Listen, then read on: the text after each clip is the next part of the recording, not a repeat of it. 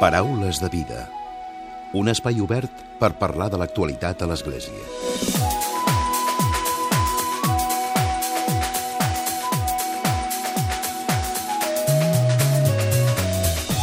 Què tal? Salutacions i molt bon dia, molt bon diumenge. Barcelona ha acollit per segon any consecutiu la nit de les religions. Es tracta d'una jornada de portes obertes on hi ha participat 33 comunitats i entitats de diverses tradicions, com ara les cristianes de diferents denominacions o també musulmanes i jueves, entre d'altres. La iniciativa l'ha organitzat l'Associació UNESCO per al diàleg interreligiós a través del lideratge del seu grup de joves i s'emmiralla en la nit de les religions que des de fa cinc anys se celebra amb èxit a Berlín.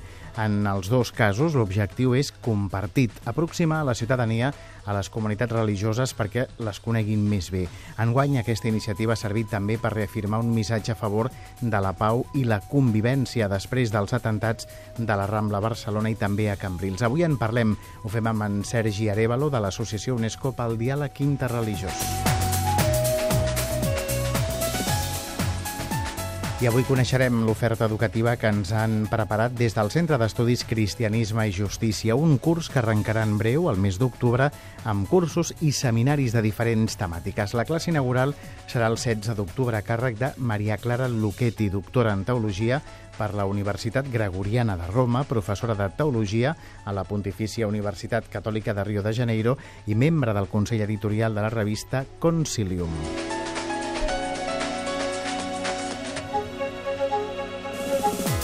I com sempre, per tancar el Paraules de Vida, arribarà un nou comentari de l'actualitat de Francesc Romeu. Comencem.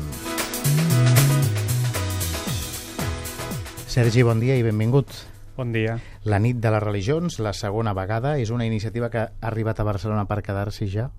Esperem que sí, perquè l'any passat va tenir molt bona rebuda. Aquest any també hem tingut molt bona rebuda en tots els sentits, tant per la ciutadania, per les comunitats que organitzen les activitats que s'ofereixen i així que esperem que tingui una, un llarg recorregut. Uh -huh. Ara hem dit 33 comunitats, per tant hi ha força diversitat, no? L'any passat van ser 24 comunitats i aquest any hem passat a 33. No totes són comunitats religioses, sinó també hi ha entitats culturals que d'alguna manera o una altra fan alguna activitat relacionada amb el món interreligiós, religiós o, o cultural, però sempre lligat amb el món conviccional o de creences. Uh -huh. Importants, uh, important en aquests temps que corren, no? el fet de que es dongui, es divulgui eh, les diferents creences religioses que hi ha i la convivència que tenen, no? que potser a vegades ens pot semblar que, que no hi és i sí que hi és.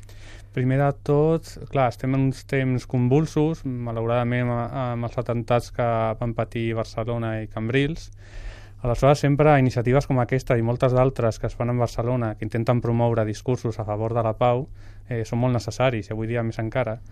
I creiem que eh, activitats com aquestes realment sí que són molt necessàries. Uh -huh. Com dèiem a la portada, de fet l'any passat, quan es va fer la primera edició també en vam parlar. Vosaltres mireu l'exemple de Berlín, que es fan allà també, i amb molt d'èxit, no? També va començar i ha tingut continuïtat en el temps, no? Sí, Berlín és una ciutat molt més gran que, que Barcelona, llavors, i també porten més anys. Aleshores, allà hi ha com 80 comunitats i en un territori, diguem-ne, molt més ampli però allà també està molt consolidat i, i també molt reconegut per la ciutadania, per les comunitats, i és una ciutat en què nosaltres ens intentem mirar i aprendre coses per portar aquí a Barcelona. Vosaltres agafeu idees de com s'organitzen allà i després suposo que aquí ho adapteu a la realitat d'aquí. Sí, la, la idea bàsica va sortir d'allà, que de tota manera és una activitat que ja de per si és com la nit dels museus, que per la ciutadania ja és ben coneguda. Crec que en part, per aquesta raó, la ciutadania va entendre molt ràpid com funcionava aquesta activitat i la va acollir molt ràpidament i el funcionament va ser realment molt efectiu aquest any passat i aquest any.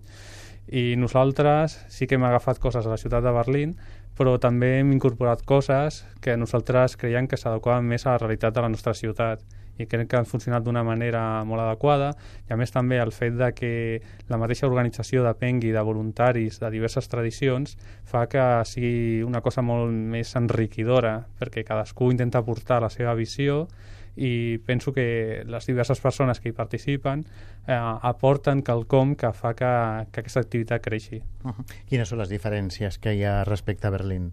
Què és el que vosaltres heu introduït? L'aspecte del voluntariat, per exemple?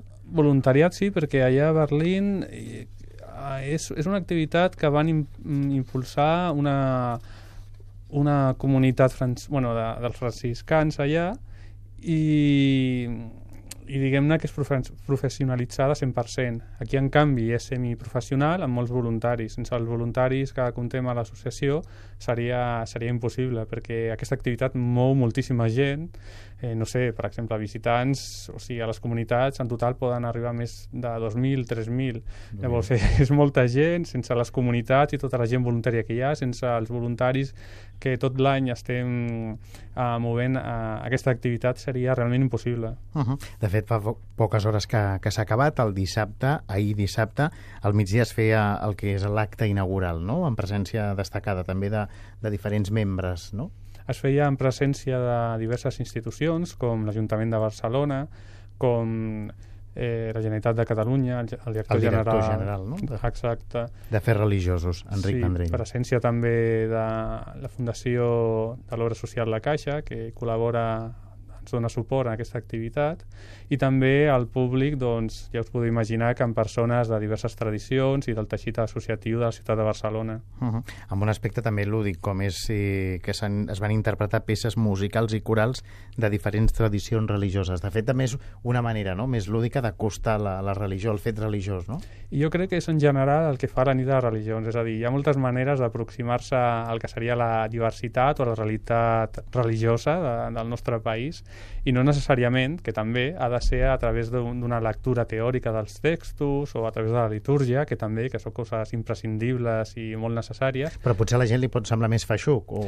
Segurament els que no són creients els és més complicat aproximar-se d'una vessant més teòrica i potser més de creences més, més directes que no pas amb aspectes més col·laterals que, que no diem que els altres no s'hagin de fer, que són un, totalment molt necessaris, però per un públic que no realment està molt implicat en certes tradicions, eh, conèixer-les eh, és sempre més fàcil des d'una perspectiva col·lateral, cultural, musical, i que això dona peu, pensem, a que la gent es pugui interessar i tenir un coneixement més, més profund sobre aquesta realitat. Com s'articulen? Com s'articula la nit de religions? Comença a les 4 de la tarda, crec, però s'allarga fins a la matinada, no? Passada la matinada. Sí. Bàsicament és cada comunitat funciona de manera autònoma, és a dir, que cada comunitat organitza la seva activitat llavors els usuaris o visitants el que tenen és un, fullet informatiu en totes les activitats, les adreces i els horaris. I bàsicament, ja és, com us deia abans, que funciona com la nit dels museus, és a dir, cadascú s'organitza la visita guiada que vol, a excepció que hi ha dues visites guiades que organitza l'Espai Avinyó de l'Ajuntament de Barcelona i la Fundació Tot Raval, que enguany fa una visita guiada que el grup interreligiós del Raval organitza aquesta mateixa visita com a territori, és a dir, ens trobem en, en un barri que hi col·labora en conjunt. Uh -huh. I el visitant, què és el que ha pogut veure? És dir, cada, dius que hi ha autonomia de cada, de cada comunitat, però una mica com ho plantegen en general? Clar, això depèn de cada persona, és a dir, els interessos són molt variats, no? Normalment hi ha molta oferta, hi ha molta més oferta d'allò que es podria veure. Llavors, és que no dona temps a veure-ho tot. És impossible. Uah, Tenim 33 comunitats, com a màxim es poden anar a 4, 6 i no veient tot, no? Però també és una mica la gràcia de l'activitat, és a dir, si es pogués veure tot i, i no hi hagués aquest cost d'oportunitat d'escollir, de, no, no tindria tanta gràcia. El fet d'escollir i, i haver de descartar li dona com més valor, perquè allò que visites ho fas a costa d'una cosa que també t'agrada molt. Clar, que potser hauràs de repetir l'any que ve, no? Aquesta és la idea, de que any rere any es pugui anar visitant les diverses comunitats. Uh -huh. Clar, de fet, eh, si no dona temps, el, el fet de que la, la persona no pugui fer-ho, fer doncs ha de, ha, de, ha de repetir ho organitzeu a través de l'Associació UNESCO per al Diàleg Interreligiós, del grup de joves, dèiem a la portada, no? Una mica... Eh, sí, és, és l'Associació UNESCO, però es vehicula a través del grup de joves. Uh -huh. Que fa anys, bueno, vam començar a recuperar el que seria el grup jove de l'Associació UNESCO i en un principi es van començar a fer visites puntuals a diversos centres i més tard vam decidir que podíem imitar aquest model de, de Berlín i vam estar com un any preparant-ho i tal, i l'any passat ja es va Vosaltres fer. també heu participat a la nit de les religions, algun dels membres, no dic tots, de, de Berlín, per també agafar la idea o, o conèixer ben bé com, com ho fan en allà? Aquest mateix mes de maig vam anar dos voluntaris a, a la nit d'allà de Berlín i vam conèixer el, el coordinador, vam anar a algun centre, Uh -huh. i bueno, és el que et comentava, que la ciutat és molt més gran, eh, té moltíssima oferta i també té un seguiment molt impressionant. I clar, ja també el que té és que té molt, molta més trajectòria, està més... De fet, clar, són cinc, no, en allà? O més? Sí, sí. Cinc. Que de fet allà vam descobrir que Berlín, de fet, no era la primera ciutat, uh, sinó hi havia una altra ciutat de Suïssa, Gene uh, Uh, no en recordo quina ciutat, però... Ja hi havia precedents. Sí, port, port, aquest any serà la, la decena uh, vegada que ho fan, Llavors, de fet, no, no és una iniciativa de Berlín, sinó d'una ciutat de Suïssa. Que ells, uh -huh. Berlín mateix va imitar aquest model. Clar, de fet, tenen un recorregut, no? Per tant, més experiència a l'hora de, de fer-ho, de plantejar-ho. Sí, també l'experiència de trobar-nos amb ells i de conèixer com ho feien ells també ens donen idees i de fet nosaltres també els hi vam donar idees perquè nosaltres en el tema comunicatiu que molta gent eh, que col·labora en el voluntariat o els voluntaris que tenim eh, estan, tenen molt coneixement del tema de comunicació. Llavors nosaltres allà teníem molt a dir també. Uh -huh. De fet, eh, abans també ho dèiem a la portada, el rerefons aquest any és el dels atentats eh, que, van a, que va haver-hi el 17 d'agost a Barcelona i també a Cambrils. Suposo que això també marca, no?, una mica, ha marcat la, la nit de les religions, no? una mica d'oferir de, de, des de la religió el, el, que, el que hi ha i el que ofereixen, que és la pau, no? i no la confrontació. Jo crec que aquesta és bàsicament la idea de que quan es fan iniciatives com aquesta, el que estem buscant sobretot, sobretot és reclamar que la, la religió té una vessant constructiva i a favor de la pau amb això no volem ser ingenus i pensar que tota la religió, tot el que hi ha en aquest món és tot positiu i no o hi ha cap totes violència. les persones, no? que, que poden estar en una... Són, eh, professar una fe però són terroristes, no? Exacte, o sigui, no, no hem de ser ingenus, però bé, pensem que hem de posar la nostra part perquè tots aquells elements positius que hi ha a les religions han de construir alguna cosa positiva. I a, aquesta mateixa iniciativa i moltes d'altres el que es fa és això, intentar que la religió sigui un element constructiu i que sigui positiu per a la societat. Doncs Sergi, gràcies avui per haver-nos acompanyat i t'esperem aquí el proper any, en aquest cas per parlar de la que sigui la tercera edició de la nit de les religions a, a Barcelona, a Catalunya. Molt. No sé si heu pensat de fer-ho també a altres llocs que no sigui Barcelona, que sigui Girona, Tarragona, Lleida... Bueno, no? mai, no mai se sap, encara ho hem de pensar, però mai se sap. Uh -huh. Doncs gràcies per haver-nos acompanyat. Gràcies a vosaltres. Paraules de vida, amb Emili Pacheco. I tot seguit saludem Xavi Casanovas, director del Centre d'Estudis Cristianisme i Justícia. Xavi, bon dia. Hola, molt bon dia. Abans hem parlat a la portada del nou curs que ja teniu preparat. Què és el que ens oferiu aquest any al curs acadèmic 2017-2018 del Centre d'Estudis Cristianisme i Justícia? Doncs aquest curs, eh, que és per nosaltres el 36è curs ja, eh, ve marcat per moltíssimes propostes, de fet. Eh? Um, potser la, el més rellevant, jo diria, o allò que és més significatiu d'aquest curs, és tot un seguit de propostes que posen l'èmfasis o intenten posar la mirada en una proposta de formació teològica i sobretot de teologia en femení, eh, o teologia feminista, jo crec que serà una miqueta un dels eixos transversals importants d'aquest curs per nosaltres. Uh -huh. De fet, la lliçó inaugural és el 17 d'octubre, crec, oi? El 16 d'octubre, dilluns 16 d'octubre, eh, uh -huh. a les 7 del vespre, eh, d'aquí pues, un poc més d'un mes, on eh, tindrem una xerrada d'una teòloga, Maria Clara Luchetti, ella és una professora de teologia al Brasil, eh, amb, el, amb una xerrada que portarà per títol Transformar l'Església i el món en femení. Eh? Jo crec que aquest acte d'inauguració donarà un tret de sortida, com deia, un curs que ve ple de propostes. Eh, en tenim vàries, diguéssim, que, que aborden aquesta qüestió, perquè, perquè tindrem també, dintre dels cursos presencials que nosaltres fem a Barcelona, un parell de cursos més, un que té a veure amb dones i espiritualitat, eh? I un altre que té a veure amb la qüestió de gènere, eh? una qüestió molt controvertida també quan es parla sobretot des de la perspectiva teològica i eclesial. No? I no només això, sinó que també a l'aula virtual, que és un espai de formació online, no només presencial a Barcelona, sinó online, també tindrem un curs de teologia feminista. Uh -huh. Ara deies el tema de la dona important. Eh, quines conferències o qui ha previst que, que vingui, que assisteixi a alguna de les, de les eh, sessions del curs?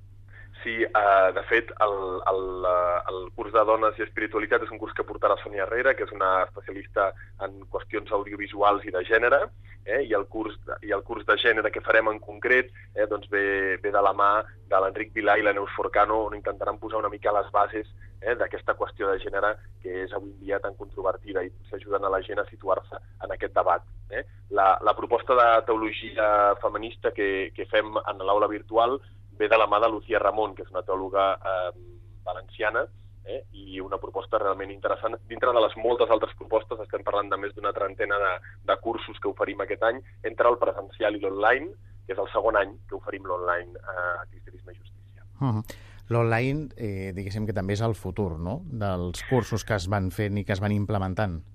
Certament, nosaltres el que ens passa és que nosaltres tenim una penetració molt alta de, dels nostres quaderns i de les nostres propostes, no només aquí a Catalunya, sinó a la resta d'Espanya i a Llatinoamèrica. Eh? Nosaltres eh, recordarem els oients que enviem els nostres quaderns, eh, arriba una, a unes 50.000 persones i un gran part d'aquesta gent eh, estan fora de Catalunya i, per tant, ens interessava, eh, i per això vam començar, diguéssim, una aula virtual, no només eh, per arribar a la gent més jove, que això és evident, diguéssim, no? perquè lo virtual i l'online sempre doncs, permet arribar a un públic més jove, sinó també per arribar a gent fora de les nostres fronteres. No? I així ho va, bueno, ho va evidenciar el curs passat amb una participació de gairebé 300 persones a l'aula virtual, entre les quals gran part d'elles doncs, mexicans i argentins, per exemple. No? Per tant, eh, arribant amb les nostres propostes també més enllà de les fronteres de, de Catalunya i de Barcelona, uh -huh. que és on estem ubicats. I quin és, Xavi, el perfil de, de persones que s'apunten al Centre d'Estudis Cristianisme i Justícia? Doncs jo diria que tenim, a, a part de, de tota una sèrie de, de persones, diguéssim, del món, per, per entendre'ns, món eclesial, com podria ser doncs, doncs, persones religioses, religiosos, capellans, no? Jo crec que sobretot un laicat, un laicat eh, compromès, un laicat que, que vol formar-se en la fe, les propostes de teologia vinculades al compromís social, que és el que ens marca a nosaltres, no? el que ens defineix, doncs són les que tenen més tirada i, i jo crec que molts dels laics o de les persones d'Església, i no només d'Església, sinó aquelles persones que busquen eh, alguna resposta eh, i que creuen que la poden trobar també en l'àmbit de la teologia cristiana, doncs són les que s'acosten als nostres cursos. Eh? I com que estem parlant d'una formació que no és una formació reglada, no? sinó que són cursos de formació que permeten anar-se reciclant no? tant en l'àmbit teològic com en l'àmbit social, doncs és un perfil molt variat d'això. I sempre des d'una perspectiva d'una formació oberta, transversal i plural, no? Així és, nosaltres creiem que l'Església és un espai plural, amb, amb moltes perspectives, amb gent de moltes ideologies. El que a nosaltres ens defineix, però, és el que en diem el debat fe justícia, és a dir, de quina manera la nostra fe ens ha d'acompanyar i ens ha de portar a construir un món més just, i també de quina manera quan nosaltres ens comprometem en el món comencen a sortir a nosaltres preguntes respecte al transcendent, no? preguntes respecte al sentit de tot allò que fem. No? Aquest és l'espai nostre de treball i és aquí on, on enfoquem les nostres propostes. Mm. Per totes aquelles persones que ens escoltin avui a través del Paraules de Vida de Catalunya Ràdio, Xavi, què han de fer si volen apuntar-se o assistir a alguna de les sessions del curs? Doncs mireu a la nostra pàgina web, cristianismeijustícia.net, trobareu tota la informació, tant dels cursos que fem eh, com de les diferents xerrades eh, que anem fent durant tot l'any i conferències, que són, que són bastantes, i, i també la informació dels quaderns i tot allò que anem publicant, que sempre és en descàrrega gratuïta i directa i a les quals la gent també es pot subscriure per rebre a casa. De fet, també una de les eh, activitats importants és els dilluns dels drets humans, oi? Mm -hmm. Aquesta és una proposta que ja doncs, té, jo crec que, que s'acosta ja als, als 20 anys aquesta proposta, eh, que fa, jo crec que, perquè em sona que és l'any 98 que vam començar, coincidint amb el 40 aniversari de la, del, perdó, amb el 50 aniversari de la proclamació dels drets humans, l'any 98, es va començar aquest cicle de conferències que organitzem juntament amb Justícia i Pau i que ara s'hi han afegit també Mans Unides i Càritas Diocesana de Barcelona.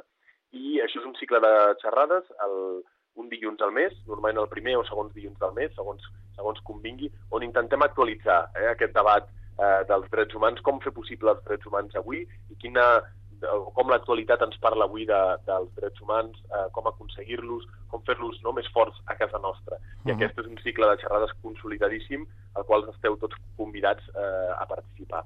Eh? I aquest any amb, amb diverses temàtiques que també trobareu a les nostres propostes de formació. Queda dit el Paraules de Vida. Xavi, gràcies i bon dia. Moltes gràcies a vosaltres i molt bon dia. Paraules de Vida I tanquem el Paraules amb el comentari de l'actualitat de Francesc Romeu. Francesc, molt bon dia. Molt bon dia a tothom. La setmana passada, i més concretament al cap de setmana passat, el papa francès va fer un dels viatges més importants, més delicat i més compromès del seu pontificat. Va anar a Colòmbia, un país on la seva majoria és clarament catòlica i practicant, però que no deixa d'estar mancada en aquests moments d'un clar recolzament del papa i, sobretot, necessitada del seu missatge de reconciliació. Aquest ha estat precisament el 20è viatge internacional del papa Francesc, el cinquè que fa a Amèrica Llatina i més concretament el tercer que fa a Sud-amèrica, el seu propi continent d'origen, un continent que no està mancat de futur, però que també travessa greus dificultats polítiques i socials. En aquest cas, el papa arribava a un país que després de més de 50 anys de violència i enfrontaments armats entre la població amb moltes dificultats, ha assolit poder firmar un acord de pau, signat pel president Juan Manuel Santos amb les Forces Armades Revolucionàries de Colòmbia, les FARC, però que ha deixat moltes ferides obertes amb moltes persones, més de 200.000 morts i molts refugiats interns i externs. El moment, doncs, en el qual el papa ha arribat a França és un moment complex, difícil i delicat. Per resumir, el viatge del papa Francesc a Colòmbia podem dir que ha estat de quatre dies per visitar quatre ciutats i donar quatre missatges ben clars. El dia de l'arribada, el dimecres 6 de setembre i el dijous 7, el papa va estar a la capital, Bogotà, amb un missatge clar a favor de la pau i demanant a tothom d'exercir d'autèntics artífecs de la pau i promotors de la vida. No es va estalviar de dir-ho sobretot davant dels líders polítics i de les autoritats governamentals. El divendres 8 de setembre el papa es va traslladar a la ciutat de Villavicencio, una ciutat símbol dels enfrontaments i del conflicte armat entre la població. El papa aquí va poder reunir-se amb algunes de les víctimes i dels agressors durant tots aquests anys d'enfrontament armat. Aquí, en una llarga i gran pregària, el papa va poder llançar el seu missatge de reconciliació amb Déu, amb els colombians i amb la natura.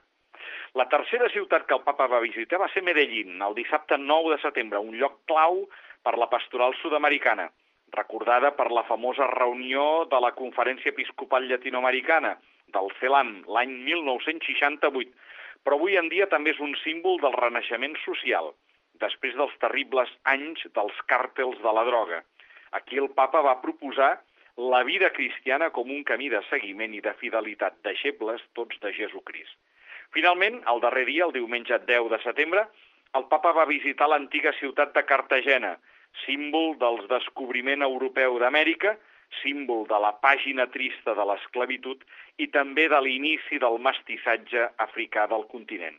Aquí el papa va tancar el seu itinerari amb unes paraules molt clares a favor de la dignitat de la persona i els drets humans. Un dels personatges que el papa francès va citar en la seva intervenció pública a la ciutat de Cartagena va ser la del nostre sant català Pere Clavé. Recordem que Pere Clavé va néixer a finals del segle XVI a la població de Verdú, a l'Urgell, i que va ingressar ben jove als jesuïtes, que el van enviar al seu convent de Mallorca. Va ser allà on ell va conèixer un altre gran sant jesuïta, Sant Alfons Rodríguez, que li va desvetllar l'esperit missioner un esperit que el va portar a oferir-se ell mateix per anar a l'aleshores capital de la Nova Amèrica, Cartagena d'Índies, una ciutat que avui forma part de l'actual Colòmbia. Aquí és on el nostre sant català es va dedicar en cos i ànima als esclaus negres que arribaven capturats de l'Àfrica i vivien en condicions infrahumanes sota el règim de l'esclavitud. Pere Clavé tenia molt clar que abans de batejar-los calia procurar d'ajudar-los materialment per conèixer la seva pròpia llengua, tractar-los com a persones capaces d'entendre les coses. Tot una tasca que no li va ser gens fàcil i que li va portar infinitat de problemes amb els apoderats tractants d'esclaus i amb alguns altres religiosos. Amb tot, es diu que va batejar a un gran nombre d'ells i va ser anomenat ja en vida l'apòstol dels esclaus. Justament va morir a Cartagena amb 74 anys a primers de setembre de l'any 1654, en la mateixa setmana que el papa visitava la ciutat i en la mateixa setmana que tot arreu se celebrava la memòria del nostre sant català. Molt bon diumenge a tothom!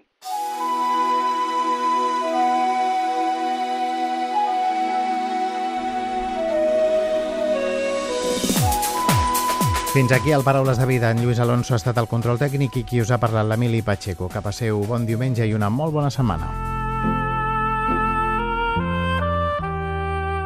Us oferim la carta dominical de l'arcabisbe de Barcelona, Joan Josep Omella. Déu vos guard. Ha començat el nou curs escolar. Gairebé totes les famílies noten d'una manera o d'una altra aquesta realitat. Pares que acompanyen els seus fills al col·legi, compra dels llibres per al nou curs, conèixer nous mestres, etc. Parlar de l'escola és parlar de l'enorme responsabilitat que tenen els pares d'educar els seus fills. Aquesta responsabilitat és una conseqüència lògica de la seva paternitat i maternitat. Engendrar un fill és crear una nova vida humana i aquesta cal que arribi a la seva plenitud. Procurar i facilitar aquest constant creixement en els anys de la infantesa i de l'adolescència és funció primordial e insubstituïble dels pares. El papa francès recorda aquesta responsabilitat amb aquestes paraules. Un bon pare sap esperar i sap perdonar des del fons del cor.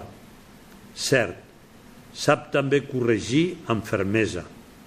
No és un pare dèbil, complaent, sentimental. El pare que sap corregir sense humiliar és el mateix que sap protegir sense guardar res per si mateix. Tanmateix, els pares no poden realitzar aquesta funció ells tots sols.